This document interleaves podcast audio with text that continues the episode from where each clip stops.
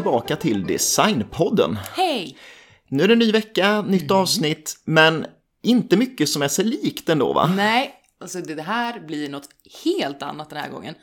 Vi har alltså förflyttat oss från köket, där vi brukar sitta, till Småland. Just det, och eh, närmare bestämt Tranås. Mm, och varför har vi gjort det? Jo, vi ska besöka en av de här klassiska möbelproducenterna faktiskt. O.H. Sjögren. Oh ja. Och det ska bli så kul just för att vi har ju känt att det finns så mycket mer att veta än bara det där som finns på ytan. Det som man vet att de, de tillverkar malmstenmöbler liksom. Men det, vi känner att det här ska bli spännande att gräva lite djupare i O.H. Sjögren. Ja, och kul för er att höra någon annan än bara oss två. Exakt, så att eh, det här blir eh, Designpodden ute på fältet. Ja, jävlar alltså. Det innebär ju en sak då och det är att eh, det här med ljudet får ni ha överseende med tror jag i det här Mm. avsnittet. För att det kanske blir lite stökigt och bökigt och bullrigt men eh, det hör väl till när man är ute på. Jag tycker det, det ska märkas av lite. Ja, så att vi, vi, ja, vi kastar oss ner till Småland. Och Jakob Sjögren. Ja, och eh, vi som pratar än så länge heter Sanna och Andreas och ni lyssnar som vanligt på Designpodden.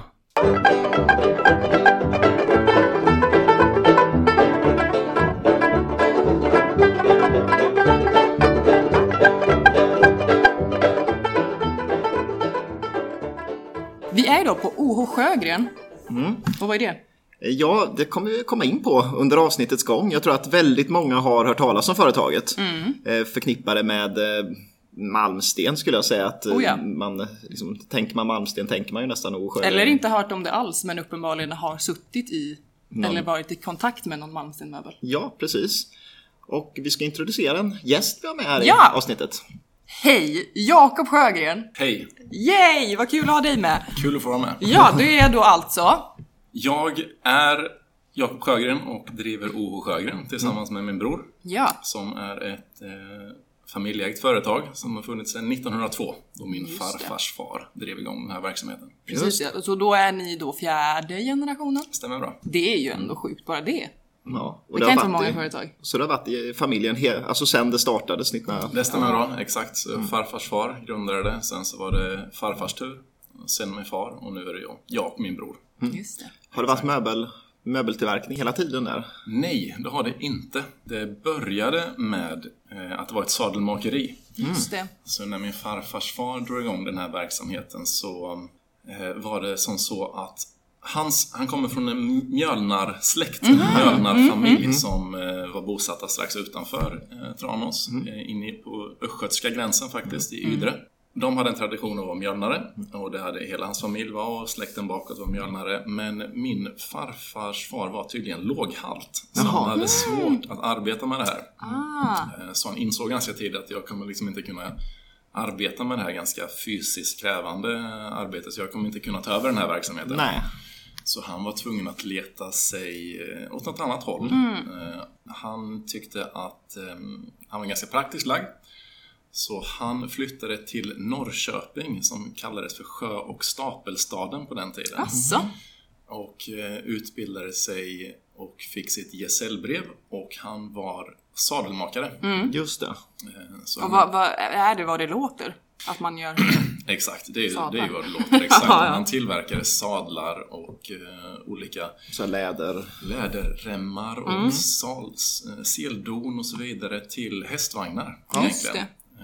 Och man arbetade med läderprodukter egentligen ganska Mm. mycket.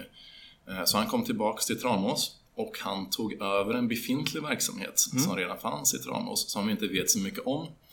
Men verksamheten som sådan sträckte sig tillbaks liksom någon gång in på 1800-talet. Mm. Och sen så tog min farfars far över 1902. Ja, Just det. Så det är där som vi brukar säga att vårt företags historia Mm. börjar. just det. Men eh, den sträcker sig faktiskt längre tillbaka med tanke på att han tog över en befintlig verksamhet. Ja, just det. Eh, Men då tog han över den här verksamheten som då var sadelmakeri Mm. Eh, och man höll som sagt på att tillverka sadeldon och eh, stoppade hästvagnssadlar. Mm. Eh, Och armén var tydligen en ganska stor kund. Man Ja, just det. tillverkade Ja, liksom det läste rem- jag på er hemsida. Ja, men precis. Man tillverkade remmar åt armén och man tillverkade bälten och så Mm. vidare. Ja, just det, för det var mycket sånt också som inte var direkt hästrelaterat men ändå var liksom... Exakt, som, Ja. var, så, som var läderprodukter egentligen. Eh, Och det här höll man på med. Sen slutade väl folk åka häst och vagn. Ja, damn! Bil, bilen kom in där lite Precis, bilen kom in och Förstörde. för oss. Fan. Ehm, Så då var man tvungen att hitta något nytt då.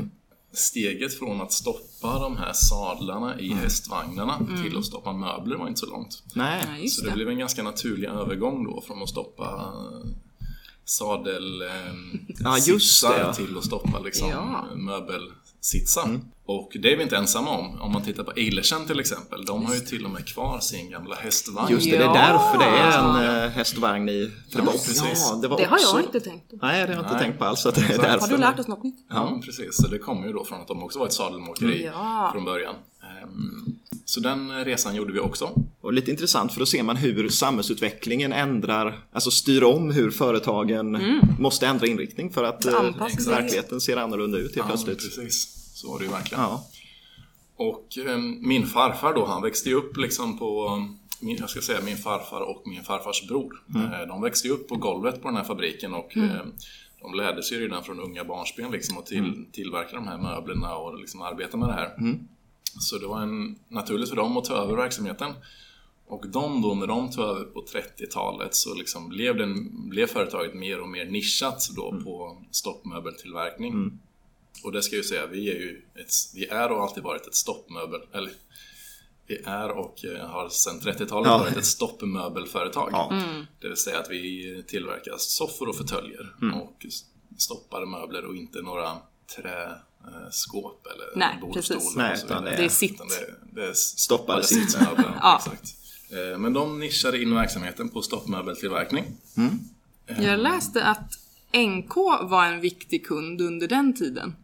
Det blev Ja. vi lite nyfikna på. Ja, de kom in li- aningen senare. Mm, Li- li- ja, ja, lite senare efter att de hade drivit Mm, verksamheten ett tag så kom NK in, absolut. Eh, och ehm, det var ju, det var ju något väldigt stort för företaget. Ja, Men- men- gud, NK är ju ändå NK. Säga. Exakt. Men det började ju med att ehm, eh, företaget utvecklade sina egna möbler. Eh, Och då var det ju farfar helt enkelt som ritade de här möblerna. Han hade ett intresse liksom för att rita möbler. Eh, Så han tog fram liksom vårt företags liksom, eh, våran möbelserie helt enkelt. Vilket han döpte till olika nummer. Så vi har ju ett arkiv här inne med liksom alla farfars gamla ritningar. Och Ja. de heter ju liksom 800 och 296 och Ja. 281 och allt Så möjligt. de möblerna som är producerade under den perioden är liksom egen formgivning och eh, Egen all ja, så dyker upp där. Så var det ju. Ja. Det var ingenting man skröt med på den tiden. Nej, det, det ingen, det var, han, han, han kallades ju inte för designer farfar utan han var ju fabrikör. Men så Ja, var det han som det. råkade rita möblerna också. Han fick ingen cred. Nej, det fick han faktiskt inte. Men, men de ritningarna finns kvar och eh, men då eh, farfar och hans bror riktade in sig på att tillverka så högkvalitativa möbler som möjligt. För det fanns ju ganska mycket möbeltillverkare i den här trakten på den Just tiden. Ja. Så man var liksom tvungen att nischa in sig. Och kvalitet blev väl deras nisch helt enkelt. Jag vet inte riktigt vilket årtal men NK kom ju in i bilden 50-talet någon gång jag, tror jag. Jag hade aldrig hört faktiskt att, Nej, att eh, NK-möblet hade tillverkats här. Nej, jättekul. Men då bara, då... Men då rör det sig om modeller som NK hade i sitt sortiment som Vad man gjorde var att eh, NK hittade ofta någon gammal engelsk modell. Eh, som man tog hit. Och sen så liksom eh, ändrade man om den i proportioner och sådär. Och då lät man farfar ofta rita om den på något sätt så den skulle passa NK. Passar NK svensk marknad kanske lite sådär. Exakt, precis. Så de här modellerna hette liksom ofta någonting, nå- någonting engelskt. Så det, vi tillverkade en modell, en soffa som heter Mayfair, vi tillverkade en soffa som heter Normandie och eh, Mark var en fåtölj och det hade ofta de här engelskklingande namnen. Just det. Och eh, det här var ju väldigt stort för oss. Under en period så tror jag att eh, 50% av vår omsättning var NKs modeller då. som vi så. tillverkade. Och det var de här engelska Engelska modellerna som togs in på den svenska marknaden. Ja, så precis. Ja. Och då var det ju, eh, det hette ju inte att det kom från Sjögrens utan det var ju NKs verkstäder. Så, där, Ja. så att säga. Sen så hade de ju Nyköping också där de tillverkade mycket av deras. Just det. Och det är ju det man tänker på i huvudsak liksom, med, Ja, med, NK. Så att, eh, det är lite kul då. Men, Och där tillverkade de också stoppmöbler, de här Triva-serierna Mm. och så vidare. Eh, Men sen 1956 Mm. så heter det att en eh, farbror vid Karl Malmsten tydligen cyklade in här. Just Ja, det. det läste jag också någonstans. Jag vet Eh, inte Vad är om, sanningshalten i det Jag vet inte om det stämmer. Min farfar han dog ju på 70-talet Mm. så jag träffade honom inte och inte min, min bror heller. Nej. Men tydligen så sägs det då att han cyklade runt. Han cyklade från Stockholm och cyklade till Småland för att Ja. leta fabrikanter helt enkelt. Mm. För att tillverka hans lite mer serieproducerade möbler. Det blev naturligt att söka sig till Småland då förstås för att det var där som Ja, många fabriker fanns. Exakt, så han var ju på jakt efter de här nyckelbröderna som han kallar det, Mm. som skulle tillverka hans eh, möbelserie. Då ville han hitta en eh, producent för hans stoppmöbler. Mm. Eh, och då var han inne här och samtalade med farfar och efter att ha gått runt här och inspekterat så kunde han liksom konstatera att nej, men, Ove Sjögren, de, de levde minsann upp till hans krav och kunde få, få den äran. Just det. Ja, vilken ära ja. Och det var det ju verkligen. Ja, var ju gud. Han var ju, en, han var ju den största då på Mm. den tiden. verkligen. Absolut. Så sedan 1956 så har vi ju tillverkat ja, större delen av Carl Manstens stoppade möbler. Och det har gjorts oavbrutet sen, Ja, sen det dess. har det. Ja. Exakt. Och sen så har ju Malmsten, Malmsten hade ju någonting då som man kallade det för innestandard och utestandard. Jaha. Och det här som kallades för utestandard, det var möbler som kunde få säljas i butiker utanför Malmstensbutiken. Jaha. Ah, Och sen så fanns det någonting som hette innestandard då som exklusivt såldes på Malmstenbutiken. Och eh, möblerna som vi tillverkade, det var ju, det var ju utestandarden. Eh, de så att säga som, som såldes överallt. Och de här innestandardmöblerna, det var lite mer, det var ännu mer eh, hantverksmässigt gjorda möbler och tillverkades på små snickerier i Stockholm och deras egna. Så det var Just det. otroligt mycket hantverk i dem. Och de fick då som sagt bara säljas på Malmstenbutiken. Precis. Och eh, de, om jag har förstått det rätt, de är märkta med ett brännmärke på baksidan av eh, Ja, den här av eh. CM. Precis. CM-loggan liksom på, på baksidan av stolen. Och då är, det, då är det ett tecken på att det var en innestandard. Det vill säga att det att såldes det- bara på Malmstenbutiken. Aha, är det något du hade? Nej, man ser ju ofta de här CM-märkningen på gamla Malmsten-grejer, men det är ofta de då som är före, kanske ner på 40-talet och sådär också, Jaha. sitter det ofta en, Precis, en sån brännmärkning på. exakt. Men, Exakt. Och den brännmärkningen eh, var ju kvar då, men då var det liksom den här, eh, ifall det var innestandard. Ja, okej, då var det... Exakt. Lite Men, men det här var väl ett projekt för Malmsten ändå att på något sätt nå ut till folk ändå för att det var ju inte möjligt att Alltså de här dyra exklusiva eh, små serierna som gjordes tidigare gick ju inte att Det gick ju inte att nå ut till människor med utan det var ju kanske stort på utställningar och man kan få priser för Exakt. dem men det är ingenting som man kan få, det är ingen folkhemsmöbel om man Nej, säger om man precis. eh, Nej, kan precis. tillverka det i en liten skala i Stockholm då utan Så var det ju. Så det var ju hela tanken med det här Ja. projektet då, att han skulle liksom eh, kunna tillverka möbler åt folket. Eh, Och det fungerade ju måste man ju säga. det gjorde det ju. Ja, eller hur? Verkligen. Och det här inleddes ju 1956 då med en utställning i Göteborg. Just det. Eh, Där han, där han liksom presenterade de här nyckelbrö- nyckelverkstäderna, och, eh, eller nyckelbröderna. Eh, Och då var det ju ett, jag tror att det kanske var 12 olika fabriker då som tillverkade olika delar av hans sortiment. Just det, och det var uppdelat lite efter vilken typ av möbel det, det var. Om det var stoppmöbler eller skåp eller och så Eller vidare då. och, Ja. Exakt. Och det blev ju verkligen en höjning för Ove Sjögren när Ja. Ja, kom in i det är bilden. klart. För det, det, den här, de här serierna då som togs, togs fram liksom för oss. Det, när det presenterades i Göteborg på den här utställningen, då gjorde han en serie som som hade familjenära namn. Så det var, det var farmor och farfar och eh, man samlades runt eh, en hemmakväll. Så Ja, just det. Hemmakväll var också med i den här i gruppen. Då. Just Sen det. var det lilla syster och Ja. allt vad det var. Och de sålde ju väldigt, väldigt bra. Mm. Eh, 60-70-talet så var det ju, då var det Ja, väldigt bra tryck på de här Ja. manstensmöblerna. Så det såldes ju otroligt mycket Mm. manstensmöbler på den tiden. Så det ju... Men det måste ju, det måste ju gjort underverk för företaget. Eller det måste ju ha... Ja men så var det ju verkligen. Och eh, det var väl så, eh, om jag gissar rätt, att eh, det tog över så pass mycket av vår, vår verksamhet här Mm. så att liksom vår egen, egna möbelserie som farfar hade ritat, det föll mer och mer undan.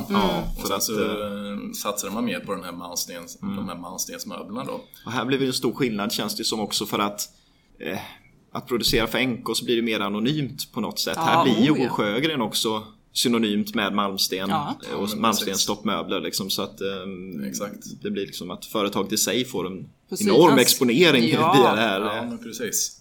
Exakt. Så var det ju.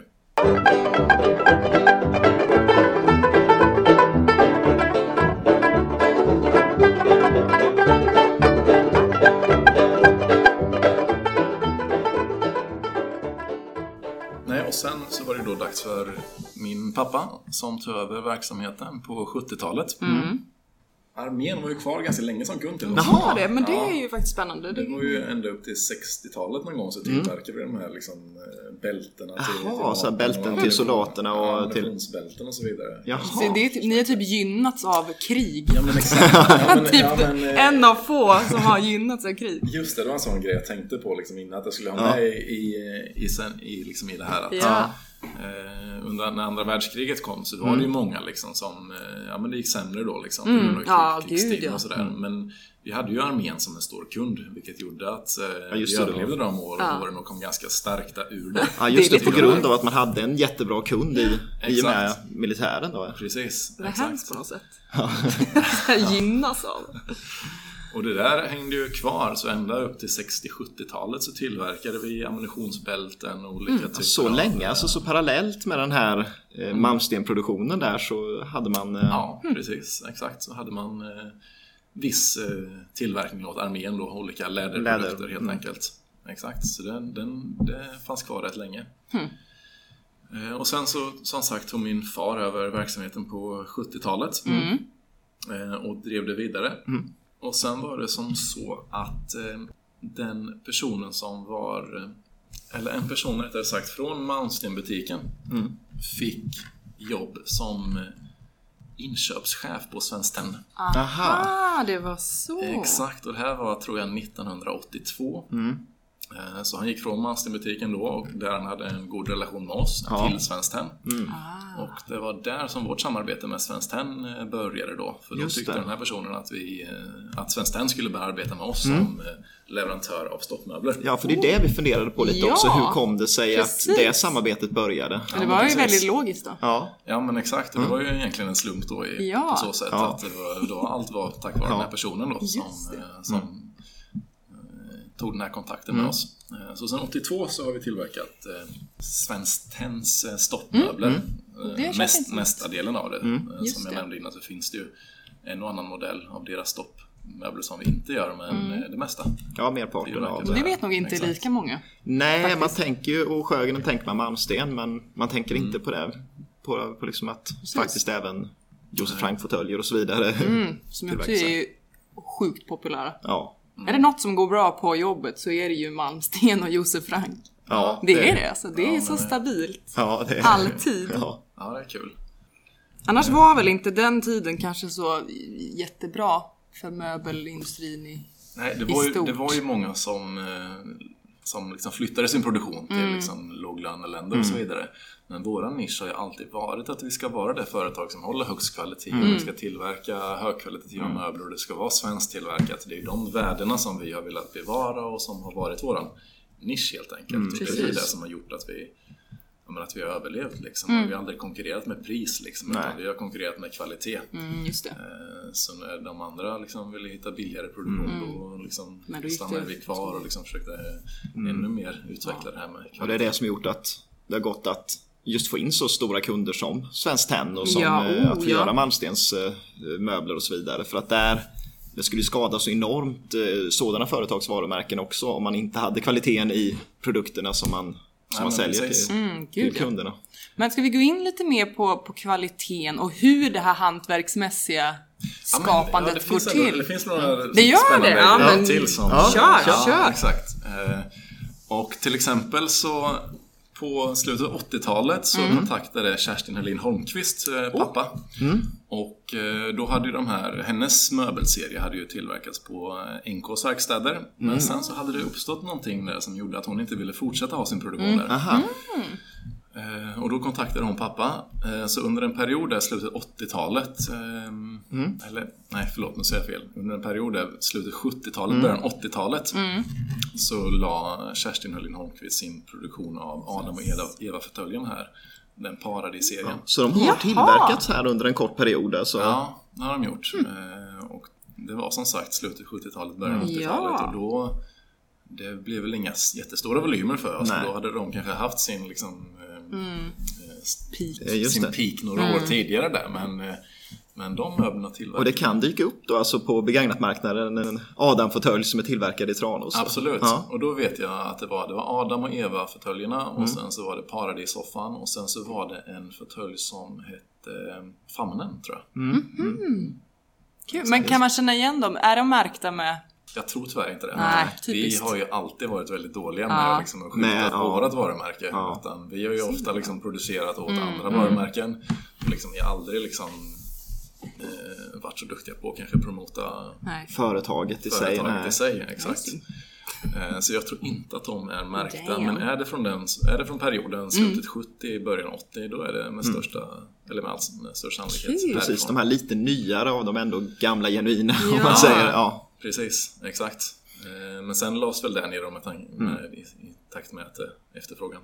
Jo men precis. Och sen är det, det är ju lite tråkigt på ett sätt att nyproduktionen som finns idag är ju utländsk på, på den. Ja. Det är väl det är Gubi synd. som, Är det? Gubi som det är tillverkar. Exakt, det är lite synd. Ja det är lite synd för det hade varit kul att ha haft kvar en sån produktion i Sverige också av just för att det är ju egentligen Malmsten och sen Kerstin Hörlins eh, de går ju lite hand i hand Ja. de eh, serierna på något sätt. Det tycker jag. Ja, men precis. Eh, Sen hade vi en annan stor kund som betydde ganska mycket för oss Mm. eh, som kom in på 90-talet och då var det klädföretaget Gant Jaha. Jaså? eh, som ville ha möbler till deras butiker runt om i världen. Mm. Och det samarbetet kommer sig av att en av grundarna då, det är ett svenskt företag som kanske inte många känner till heller. Men en av grundarna kommer utanför, utanför Tranås här och eh, var gammal god vän med pappa. Jaha. Eh, Så han, Allt handlar om eh, kontakter. Alltid. Exakt, så är det Småland. Ja. så- Så han kontaktade pappa och de var på jakt efter en modell till deras butiker och då kom han ner hit. Och gick runt på företaget och då fick han se en av de här modellerna som vi tillverkade åt NK som var de här engelska modellerna som Ja. jag berättade om. Och då stod det en fåtölj här som vi kallar det för Mark som var en klassisk Howard-fåtölj. Och den eh, föll honom i smaken och eh, då bestämde sig att den fåtöljen skulle liksom finnas i deras eh, butiker. Och eh, de växte ju ganska mycket och öppnade butiker runt om i hela Ja, jo, och det är ju- sådär. Så, så där, vi, där finns våra möbler representerade över hela världen kan man säga Ja. i deras eh, butiker. men- Nu är det inte lika mycket längre för jag Nej, tror att men- deras ägarstruktur har ändrats och sådär, Mm. lite mer franchise-tagning och sådär.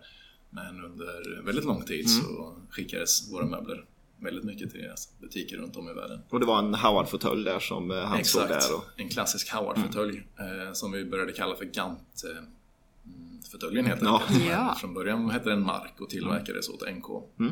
Mm. Men där kommer vi in på ett annat spår också. Ja. Eh, och det var 1992 Mm. då vi blev kontaktade av Klas och Hans som hade en butik i Stockholm som heter Room. Mm. Eh, som de hade öppnat och eh, de var på jakt efter lite likt NK, engelska möbler som de ville börja producera. Mm. Och då hade de hittat i England en modell som heter Howard. Mm. Som de tyckte var fin. Och eh, de ville ha den producerad i Sverige. Mm. Så då tog vi hit en av deras sådana Howard-modeller. Mm. Sen gjorde vi om den lite grann. Och sen så började vi då producera den här Howard-serien åt Room. Mm. Och det här var i början på 90-talet. Så det måste...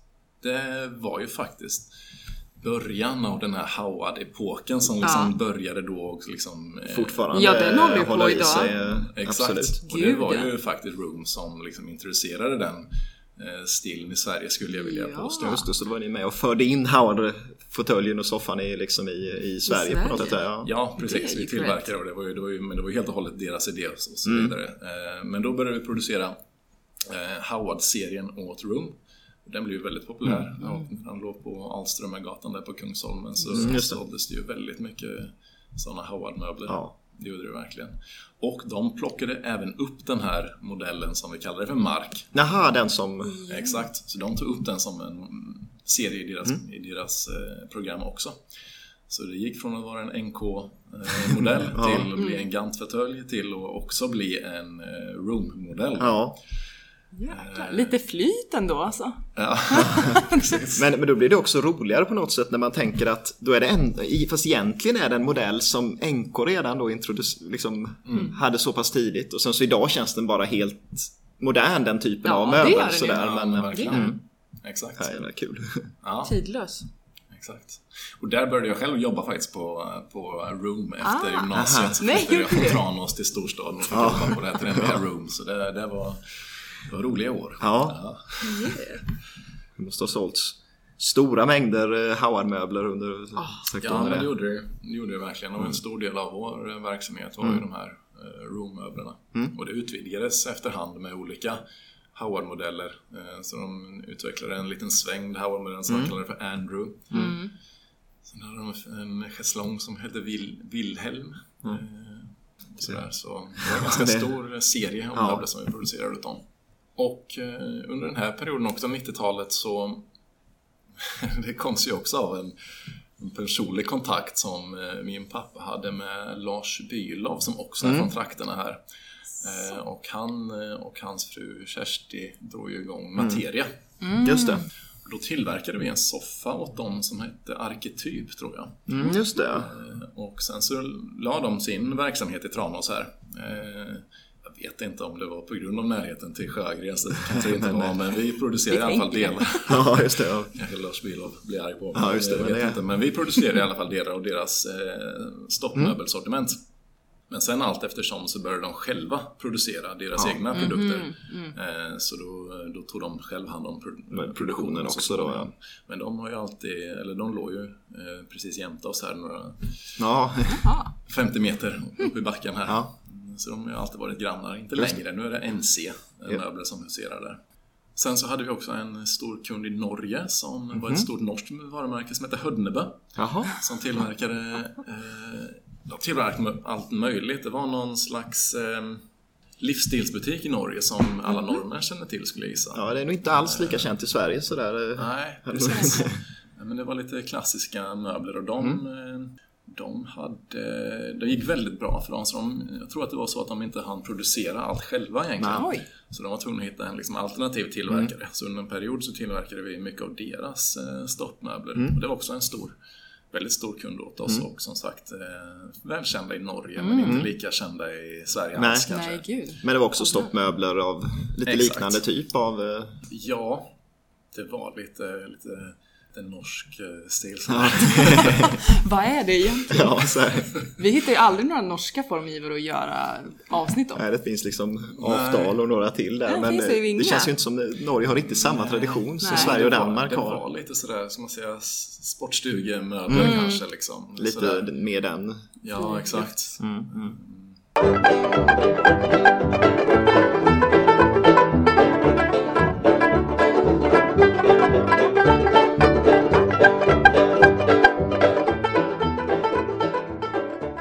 tänker då nutid. O Sjögren idag. Först och främst, jag är lite nyfiken, hur många, hur många jobbar här? Vi är 17 Ja, personer. det är 17 personer. Ja, exakt. Och då är det liksom, det är du och brorsan som är som inte gör det här fysiska. Ja, det är vi, jag och brorsan och sen Ja. så är vi eh, två personer till som eh, håller på med de administrativa Ja, delarna. det. Exakt. Och sen så är det produktion då. Och där är det fördelat på lite olika stationer. Man har man sina speciella arbetsuppgifter. Det är vissa som håller på med klädsel, vissa som är sömmerskor, vissa som är... Absolut, absolut. Så vi har ju ehm, dels då det som vi kallar för förarbete där man liksom monterar på de här eh, möblerna, alla de mjuka detaljerna och liksom resåren och så vidare. Eh, och sen så har vi sömmeriet. Där man, syr, man klipper ut tygerna och man eh, syr ihop dem och sömnar den och så. Och eh, sen så har vi då tapetserarbiten. Där tapetseraren arbetar och eh, det tyget fästs på möbeln helt Just det. Mm, just det. Hur var det med själva grundstommen till alla? Mm, precis. Eh, för ni, ni gör, inget, eh, gör inte själva Träarbetet. träarbetet här eller? Utan, Vad det gäller trästommen då så, så köper vi in den från små lokala snickerier här i trakten. Så arbetar vi med tre stycken snickerier som ligger i, en ligger i Tranås, en ligger i Boxholm strax utanför här och en ligger i Hestra som också ligger strax Ja. utanför Tranås. Eh, Så vi har lagt ut det på tre olika tillverkare för att Ja. få lite mer spridning Och hålla dem vid liv också. Ja men precis. Och vi eftersträvar ju alltid att arbeta med framförallt svenska leverantörer och eh, Ja, lokala också då. lokala, precis. Just den här liksom personliga relationen med tillverkarna och Mm. eh, eh, försöka hålla det lokalt. Och då levereras eh, de här trästommarna hit till fabriken. Ja, precis. Eh, Dels så levereras de hit Mm. helt klara men ofta så kommer snickarna från de här företagen hit och eh, monterar ihop det Mm. på plats helt enkelt. Och eh, vi använder svenskt trä, så det är svenskt Mm. furu som används i massiv furu i stommarna. eh, Som monteras ihop då. Mm. Och, På gamla hantverksmässiga vis. Ja, ja men det måste man verkligen Ja. säga. Mm. Eh, för jag tycker liksom, vi har ju gått runt här och tittat på fabriken och det finns ju, kan vi gå in på sen, men eh, ni gör ju även omklädnad av gamla, gamla modeller eller liksom gamla möbler och de stommarna man ser där ser ju identiska ut med de som står helt sprillans Nya. nya på, på väg att klä. Så det verkar vara verkligen exakt likadant eh, sen eh, 50-talet när man började producera dem. Och de här monterar vi ihop liksom och eh, med ja, olika typer av skarv, fingerskarvar och Mm. limfogar och sådär och det gör ju att stommen blir extremt stabil och vi Mm. använder alltid väldigt grova dimensioner i stommen också. Mm. Dels för att den ska hålla så bra som möjligt och eh, att man ska kunna klä om den hur många gånger som Mm. helst egentligen. Och jag tror aldrig att det har hänt att en stomme har liksom gått sönder eller brutits av. Nej. Nej. Så de håller ju hur länge som helst. Du nämnde också något innan när vi kikade runt att träet behöver vara väldigt torrt för att garantera just att det inte får skevhet och liknande i... eh, Ja, men precis. Nej, men för det är viktigt för oss liksom, att eh, vi måste använda ganska torrt virke just för att liksom, ifall fuktighetsgraden är för hög så kan det ju lätt vrida sig i träet och sådär. Just det. Ändra formen och då kanske eh, benen blir ojämna eller sådär. just det. så vi använder liksom eh, ganska torrt virke när vi monterar ihop det här just för att liksom, förhindra då att liksom, det ska dra sig eller bli vridningar i träet. Ja, Exakt. Och en, en soffa då till exempel, det kan ju innehålla upp mot kanske 60 detaljer då Ja, som just det. dels sågas det ut för hand och sen så slipas många av delarna för hand och sen så monteras det då ihop. Mm. Eh, För att få den stommen som man vill ha. Och det, vi har- försöker undvika mm, använda skruv och sådär i så hög grad som möjligt utan att det verkligen blir en, en massiv stomme. just det som håller ihop och är gedigen där. Ja, Måste ju ta väldigt lång tid att bara göra en möbel. Från liksom när det är en, Ja. ett trä. Ja men absolut. Till Ja, finished. det, det är många, många delar Ja. som jag ska gå igenom. Exakt. För att om man då har stommarna, om man tänker då, då är de monterade och klara här av eh, antingen att de kommer in eller att de är snickarna och har satt ihop dem. Vad händer sen? För vad är första steget liksom? Från stomme till vidare lite närmare färdig Ja men produkt? precis, för på stomlagret då står de tills att vi får en order. Och, för, och då sätts produktionen igång här hos oss. Ja, ni, beställer, ni, liksom, ni, ni producerar på beställning helt och Ja, hållet? alla Ja. produceras på beställning. Eh, Så då får vi en beställning och eh, då beställer vi tyget som beställs hem och eh, sen så hämtas det helt enkelt en sån här stomme uppe på stomlagret och sen börjar liksom underarbetet så att säga. Och där har vi lite olika, det ser lite olika ut i de olika modeller men eh, många av modellerna sätter man först då någonting som kallas för nosagfjäder, mm. liksom zigzagfjädern som ligger underst. Det är den här man ser ofta när man vänder på, Ja, en, på på, en soffa kanske Ja. man har hemma eller sådär så är den som metall. Exakt. Eh, Precis. Och sen ovanpå det så har vi då en eh, resårkärna som är en sån här spiralkärna som det kallas. Just Det finns lite olika typer. Eh, men, och de köps in från en firma i Västergötland som heter Stjärnfjädra och de specialgörs då för varje modell. Just det. Eh, så de liksom är formade då enligt eh, den specifika modellen. Så där har vi själva resåren och sen så har vi resår även i ryggen på många modeller. Ja, det är klart det. Eh, Som ger bra stöd i svanken och så vidare. Sen så monteras då de här eh, mjuka detaljerna på. Och det köps in eh, delvis från en firma här i Tranås som levererar de här eh, polyeter och kalkskumsmaterialen. Och där så använder ju vi då eh, väldigt många olika material på de olika delarna av Just det, möbeln. beroende på då var någonstans på möbeln det är, vad, vilka Exakt. egenskaper man vill ha. Precis, så eh, närmast träet så använder vi liksom ett ganska eh, hårt material så att säga. Sen bygger vi på med ett mjukare material och sen allra ytterst så har vi liksom det mjukaste materialet vilket gör att om du trycker på ett armstöd så känner du aldrig in till själva trästommen utan det är en dämpande mjukhet. Just det. Eh, Vilket gör att det blir en helt annan komfort än om du bara hade lagt kanske ett lager med sånt här Mm. eh, material då. Så då känner du ju Och där kan det vara värt att nämna, för förr så var det ju helt andra material i stoppningen. Var, Ja, precis. Eh, Det är lite kul för det har också varierat med Mm. tiderna vad det har varit för material. Så när vi får typ in gamla möbler här så kan man ofta se lite vad det, liksom, vilken Mm. tidshärd det rör sig om beroende på vad det är för material. Jag vet att farf, eh, under krigsåren till exempel då används det sågspån liksom, när det inte fanns tillgång till liksom, andra material. Nej, just det. Liksom, ja, Men hur känns det att sitta? Nej, det var ju inte, det var inget jättebra Nej, det, men det var, var- det var ju att till, det inte fanns till. Det var det man hade då, så. Ja, men exakt. Ja. Eh, Men det klassiska är ju att man använt eh, krollsplint och Mm. tagel i möblerna.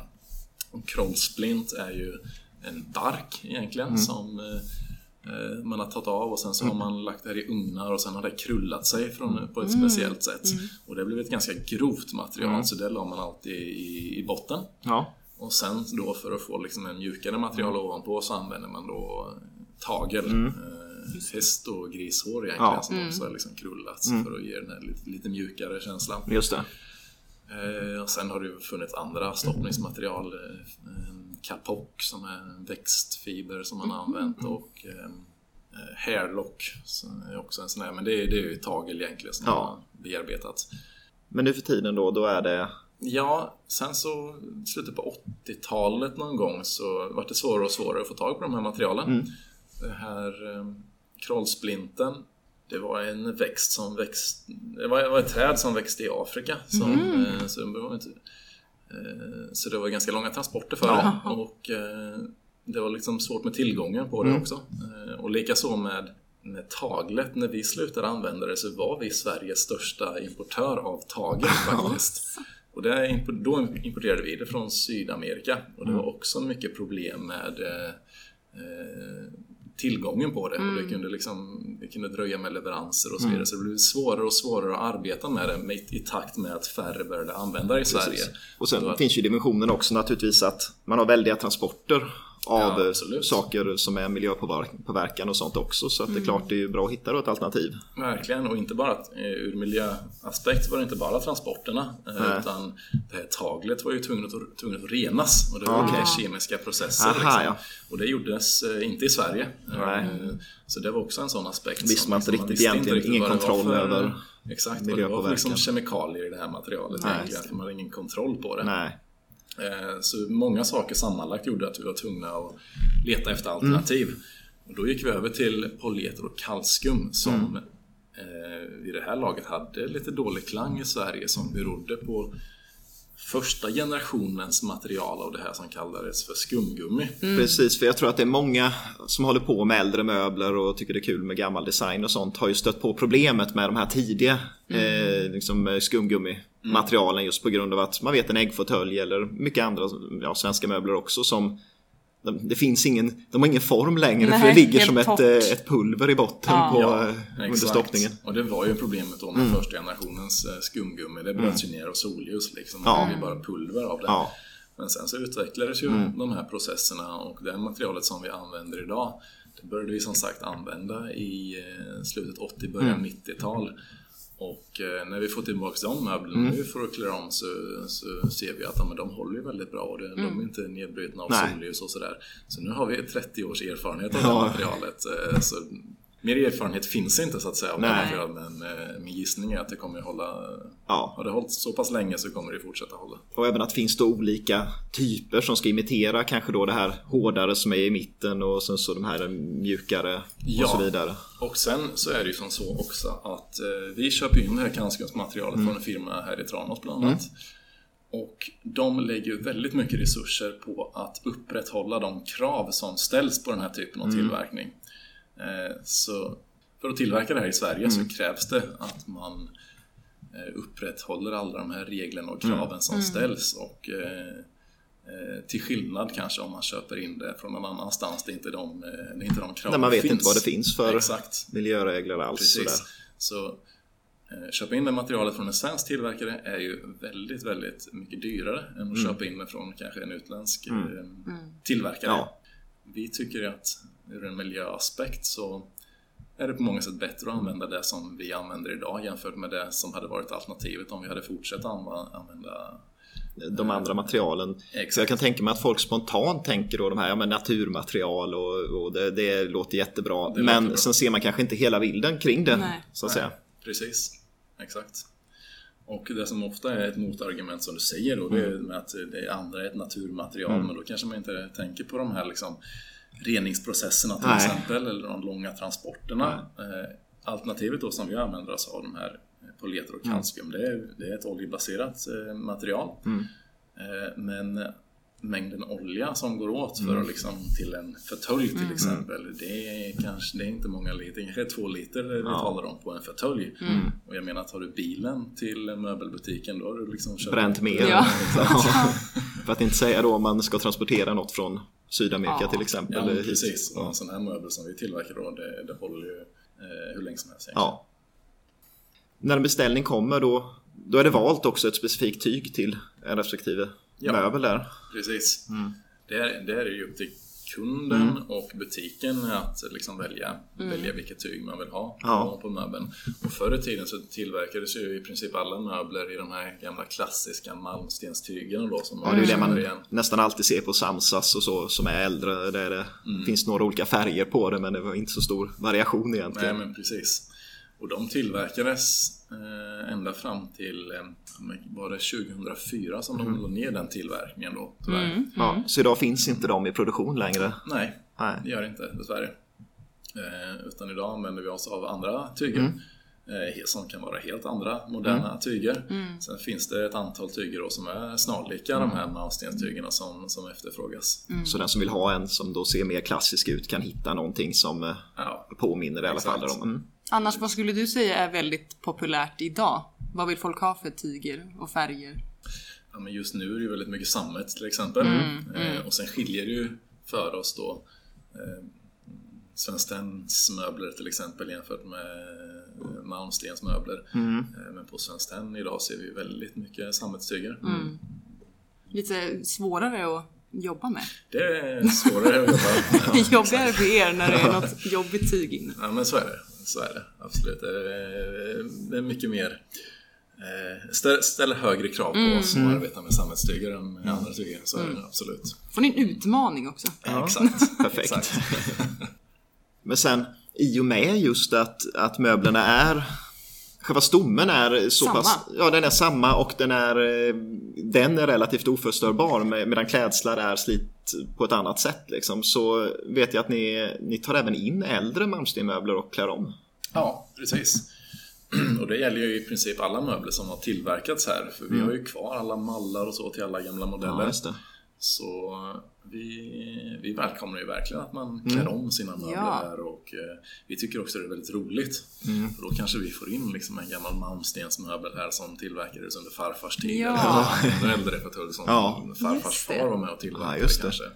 Och ofta är de ju helt intakta i, mm. i sits och stoppning mm. och sådär. Mm. Och det är bara tyget som har slitits egentligen. Ja förstås då genom åren. Och...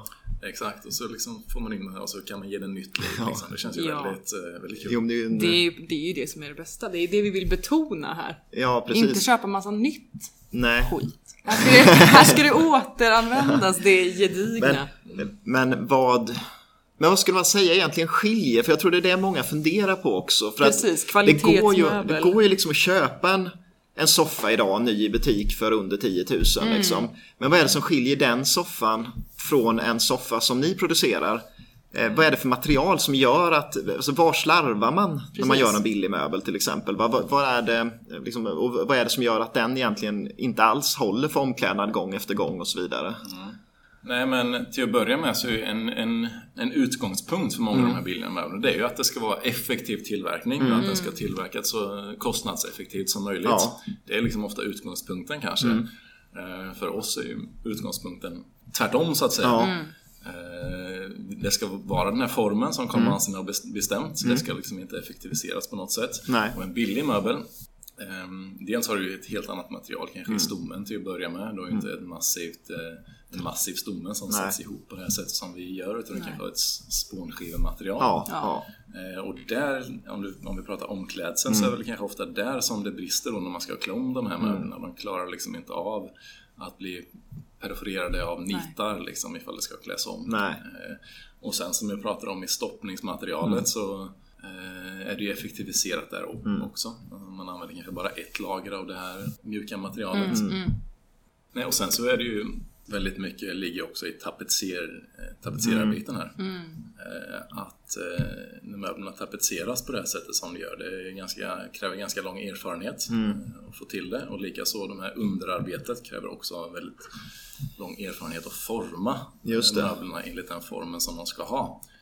Eh, Och att man får till den här passformen Mm. och att eh, möbeln är helt symmetrisk och att den Precis. liksom inte avviker från liksom den tänkta eh, formen. Så liksom mycket av värdet i vårt företag det är ju kompetensen hos de anställda som Mm. hanterar de här, den här typen av eh, tillverkning. Mm. Eh, och liksom deras kompetens hur det ska göras. Nej men precis, en, en jättepadda ska se ut som Malmsten sa att den skulle se ut liksom. Och den ska liksom inte avvika, ändra sig i form och så vidare. Utan det ska, det ska vara Nej men precis. som formen är tänkt. Och de formerna är ju sällan eh, tänkta utifrån någon smidig produktionsled känns det som. Utan det är ju ganska, eh, ändå ganska avancerade former och ganska eh, liksom specifika mönster och så vidare på det. Så att, det- Och sen är det ju mycket materialtänket. Mm. Vi vill ju arbeta med så högkvalitativa material som möjligt. Vi vill arbeta med svenska tillverkare. Mm. Mycket av de här materialen kan man köpa in liksom billigare från Mm. andra, andra ställen.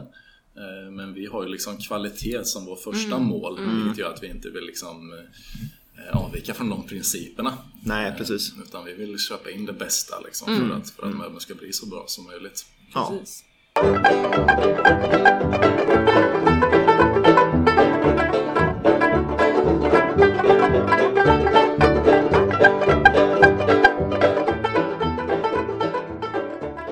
hur ser det ut med för då har ni köpt rättigheter eller ni får förnya rättigheterna till Malmstens eh, produktion till exempel. Eh, Ja, eh, rättigheterna till Malmsten, alla rättigheter ägs ju av eh, Stiftelsen helt enkelt. Mm. Siv och Karl Malmstens minne Just det, Just ja. det. som äger alla rättigheter. Mm. Och vi har då en licens Mm. att tillverka alla Malmstens möbler. Just det. Och vi betalar dessutom en 5% i royalty för varje producerad Mm. manstensmöbel till den här stiftelsen.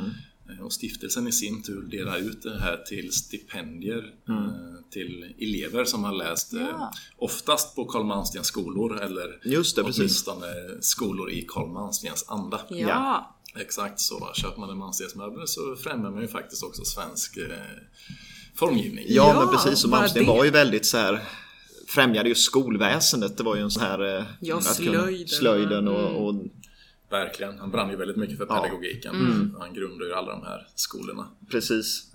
Och eh, där finns det, har varit någon gång på de här när man ser examensarbeten och så, det är fantastiska möbler som är gjorda av de där eleverna verkligen. Det, är- Så är det ju. ja. Och Malmsten hade ju sitt kontor på Strandvägen. Mm. Eh, och så hade han ju butiken längst ner i källarlokalen och den ligger, finns ju fortfarande ja, kvar. precis. Malmstenbutiken är...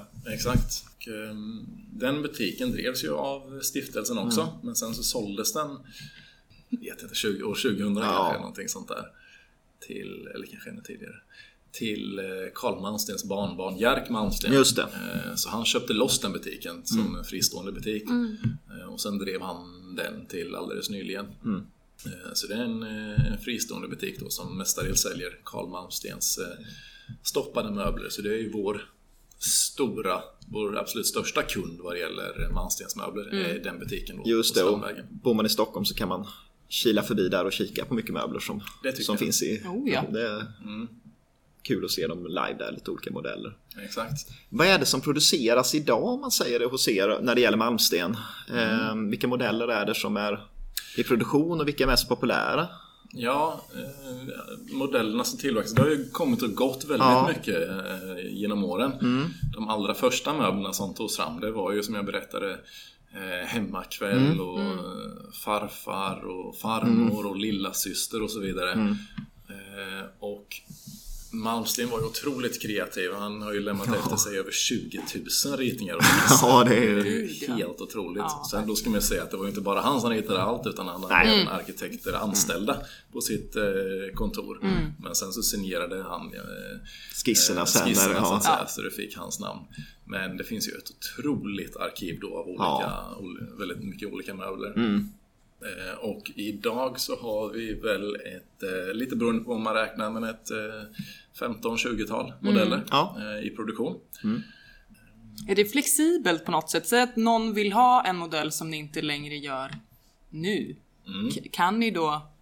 Ja, då har, Då- vi, då en, då har vi en dialog tillsammans med kunden och framförallt tillsammans med Carl Malmstens stiftelse då. Just det.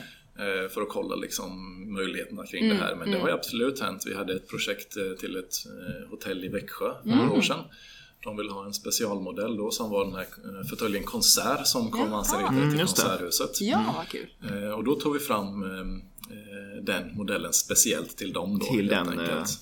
Exakt. Det projektet då, ja just det. Ja. Exakt, så då var det, hamnade konsertfåtöljerna på PM och Vänner i Växjö. Ja. Deras hotell där.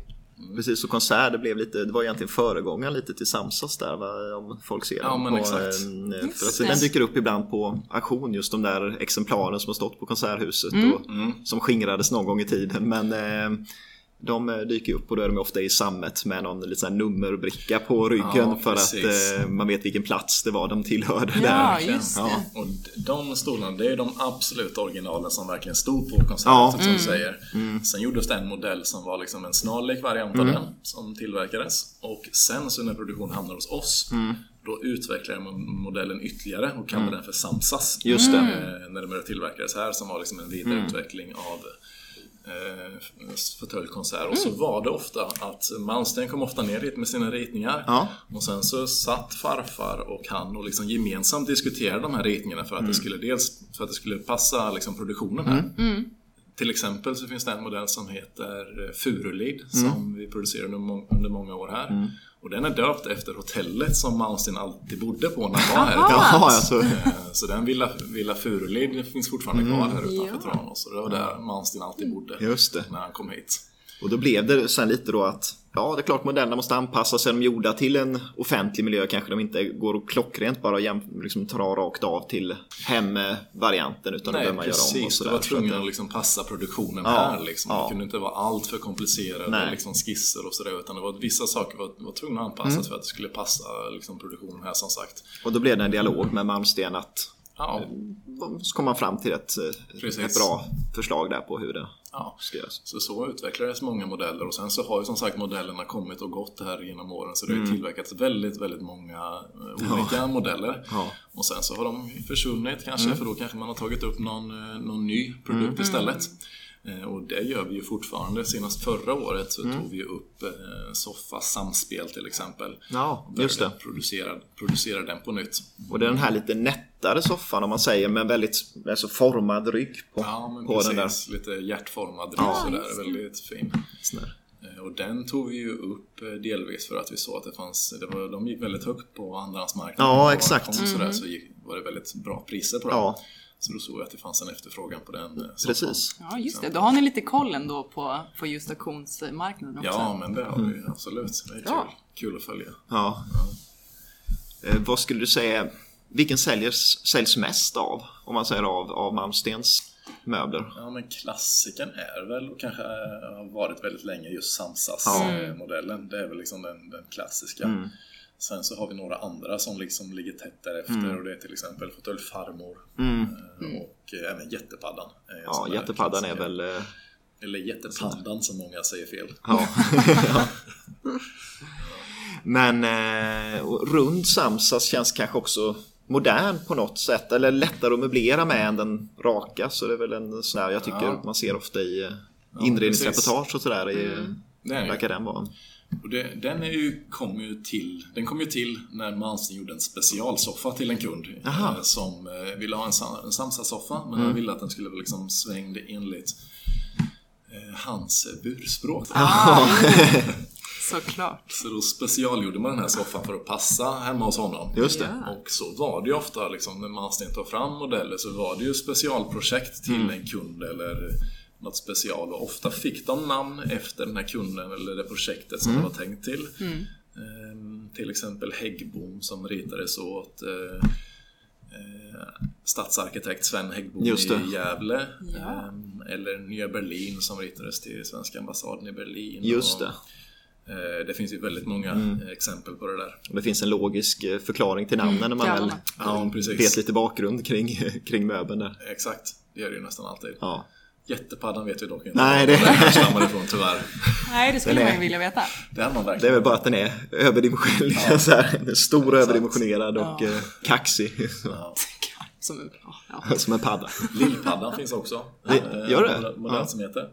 Så det finns ju väldigt, väldigt Ja. många olika manstensmodeller som dyker upp i olika sammanhang. Ja, Eh, många man aldrig, aldrig har sett dem egentligen. Ja, utan man, ja. jaha, är det... Och många gjordes ju kanske bara till en styck så att säga, Mm, till en specifik kund. Jag läste på hemsidan att ni har en återförsäljare i Sydkorea. Det tyckte jag var spännande. För, för hur har det gått till? Dessa malmstensmöbler som är så klassiskt svenska i Korea. Det är ju spännande. Ja, Och liksom vad, vad, vad säljs där? Eller ja, det vet kanske inte du, du är inte insatt i det. Men Jo, det är ja. ju liksom... Nej men eh, det var också egentligen en slump, mm. sådana personliga eh, kontakter egentligen. Eh, som gjorde att den här koreanen eh, fick upp ögonen för våra, våra möbler. För han hade i sin tur en svensk kontakt. Och eh, han fick upp möblerna för våra möbler och Malmstensmöbler. Eh, och satsade helhjärtat på det här. Så han öppnade butik i, eh, i Seoul då. Eh, som sålde ja, mestadels vå- Malmstensmöbler. Ja.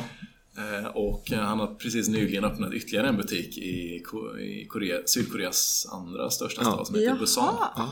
Eh, Så där har han öppnat en, en Så ny det sån här Det går butik bra då alltså? Ja, Det går hem. Ja, men det, det, Ja. de verkar Ja, ja, roligt. på det. Ja. Och de, de... Gräddhyllan heter butiken. Oh! Exakt. Gräddhylla. Bäst. Nej, men vi har ju sett ett ökat intresse internationellt på grejerna. Mm. Eh, Och det får vi ju mer och mer efterfrågningar kring. Ja. Och så ser vi ju som, som vi pratar om att på andrahandsmarknaden så ser vi att, liksom att Malmstensgrejer säljer ju väldigt Oh ja. eh, bra och till höga priser. Mm. Eh, Så det är väl en del som vi satsar på för tillfället, liksom att ta, ta tillvara på det. Mm, Eh, Som vi kanske inte gjort tidigare liksom, och utnyttja den efterfrågan som verkar vara väldigt stark. Precis, inte minst internationellt då, liksom Precis. tanke på skandinavisk design som är ju ihållande är liksom väldigt liksom hett eh, Ja, runt om ja. i världen. Oh ja. Exakt, precis. Och där passar ju Malmstens grejer väldigt bra in. Ja, absolut. Exakt. Och, eh, där är det också dimensionen att det är svensk produktion på det. Till skillnad från då kanske Kerstin Hörlins saker som svensk design men det är ju inte svensk produktion då på det Nej. sättet. Precis.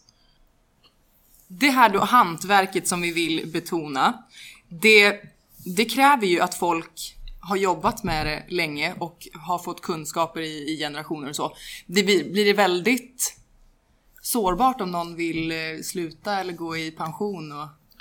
Ja, men så är det ju. Eh, mm, Mycket av värdet som sagt i firman, det är ju kunskapen hos de anställda.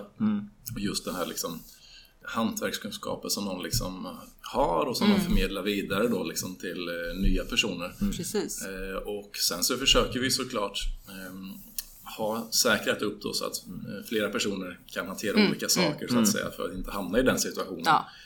Ehm, eh, Men de olika delarna i verksamheten hanteras ju av eh, olika personer som är specialiserade på just eh, de delarna. Och det. skulle vi liksom få ett eh, bortfall där så är det ju såklart väldigt svårt för oss att, eh, att bara hitta ny personal. Ja. Det gör man inte så lätt. Utan Nej. det krävs dels kanske utbildning för i vissa moment men framförallt liksom erfarenheten här då för att kunna hantera det. Ja. Och som du sa om glasriket, det är att eh, har kunskapen väl försvunnit, vilket Ja. det kanske har gjort med glas, eh, svenska Oh ja. glasproduktionen, Oh ja. så är det ju inte så att man bara bestämmer sig Nej. eh, några år senare för att plocka upp det igen. För då, Nej. då har man inte, Nej, kunsk- det- finns inte kunskapen kvar. Nej, Liksom. det är ju det lite det. Är det väl borta så är det borta. Jag läste ju också på hemsidan, som är väldigt bra och informativ, att SeatUp är, var en tredjedel av eh, Ja. Produktionen eller inkomsten. Precis, det måste vi också ta upp. Jag har precis kommit in på det v- vad det nu är. För att Precis. jag, jag kom i kontakt med det via att min pappa eh, som är, eh, han har Parkinson så att han eh, har lite svårt att röra sig. Och då letade han en ny fåtölj att ha framför tvn. Och eh, sen visade han en han hade köpt och då sa han att han hade åkt till O. Sjögren och köpt den. Och eh, det var väl egentligen så jag kom i kontakt. Förutom att jag sett lite reklamfilmer som var Ja, för just ett antal år sedan. Sådär, för det här. Men vad är det. Situp? Och vad, hur Precis. kom det in i... i Just det. Nej, men det kommer sig av att min bror som jag driver verksamheten med, han är väldigt eh, uppfinningsrik och lite uppfinnar-Jocke sådär. Eh, och eh, då var det så att eh, vår farmor eh, såg han då liksom att eh, hon och äldre personer hade väldigt svårt liksom att ta sig ur eh, möbler, sittmöbler, soffor och fåtöljer och sådär. Eh, och ofta kanske man satt på någon pinnstol då framför TVn och tittade på TV istället. Liksom. och det är inte så bekvämt där när man... Nej. Exakt. Det var ju inte av bekvämlighetsskäl han satt där, utan det var ju för att det var liksom lättare att Ja. ta sig ur.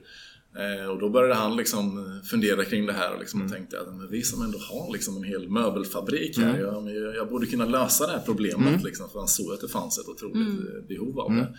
Så han liksom eh, var kvar här på kvällarna och började mixtra och experimentera då med en eh, fåtölj som skulle lösa det här problemet. Mm. Helt enkelt. Och sen så efter många om och men så liksom hade han en prototyp då Mm. med en fåtölj som helt enkelt hade en hydraulisk fjäder i, i ryggen som Ja. lyfte fåtöljen. Eh, Och sen så testade han den Mm. eh, och lät äldre personer liksom använda den här och de blev ju ofta helt lyriska av den här fåtöljen. Eh, Och tyckte liksom att det här var ju revolutionerande. Mm. Och sen så tittade vi upp och det fanns liksom ingen liknande på marknaden överhuvudtaget. Utan de alternativen som fanns det var ju elektriska då och då måste man ju ha sladdar och el och det ska vara doser och Ja, och sen kan det ofta vara äldre människor som inte riktigt kanske vill sätta sig in i värsta svåra Nej. tekniska grejerna. Nej. Sådär som ska Exakt. ha dem. Så den här är så väldigt användarvänlig. Liksom. Man sätter sig bara in och sen så lutar man sig fram när man ska resa sig så får man då hjälp. Och med tanke på att eh, fick sånt gensvar då på den här modellen och sådana fantastiska recensioner då från Ja. de här liksom, prov- provsittarna så blev ju det en egen produkt för oss så Ja. småningom. Och eh, så lanserade vi den och eh, med en gång så liksom började den, eh, blev den en hit Ja. bland eh, äldre människor då, som har lite svårt att resa sig och ta sig ur. Liksom. Och även folk som kanske har problem med ben och ryggar och sådär. Som är, För det är det man hör ofta. Många klagar på. Ja, den är jätteskön men man kommer inte upp ur den liksom, så jag kan inte ha kvar Ja, min fåtölj längre. Liksom, och Exakt. gärna de här loungeiga Ja, som är så himla låga. Det är ju Ja. typ svårt för en själv som är ung. ja. Nej, så efterhand då så växer ju den här delen för oss och så har, är det ju nu då en del av vår verksamhet som är frikopplad från det andra kan man säga. Så Ja. den kallar vi ju för Sit-Up, det här varumärket. Ja. och säljer Just den här fåtöljen till, eh, till äldre och sådär. Mm. Så det är spännande. Då. Ja. Med. Jo men det är ju sådär ett sidospår som ändå man hittar en ny marknad på Ja. någonting som det verkligen finns en efterfrågan på. Exakt, verkligen. Och det var ju så det började. Liksom, att Ja. Vi, eh, såg ju liksom efterfrågan då Mm. på, på, på den här typen av möbler. Det fanns liksom ingenting som, som löste det här problemet helt enkelt. Man inte kombinerade sitt komfort då och sen ändå att det är en Exakt. funktionell fåtölj där. Mm, grymt. All cred till brorsan. Vad är det han heter? Håkan Sjögren. Håkan Sjögren. All Ja. cred till you. Ja, den enda fåtöljen från, eller enda möbeln från Ove Sjögren som mina föräldrar har hemma. Ja. Men, eh, Exakt.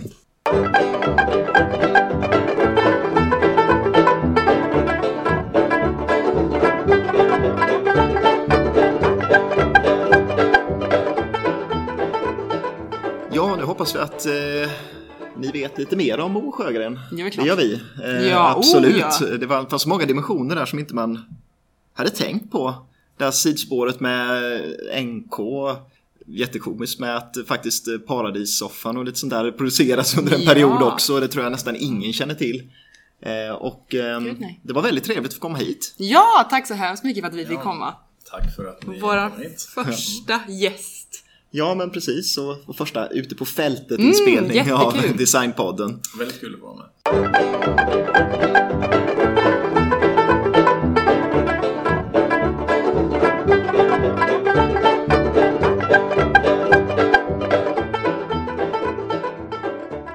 Och det var allt ifrån eh, Designpodden Goes Tranås. Ja, och eh, allt från Jakob Sjögren för den här gången.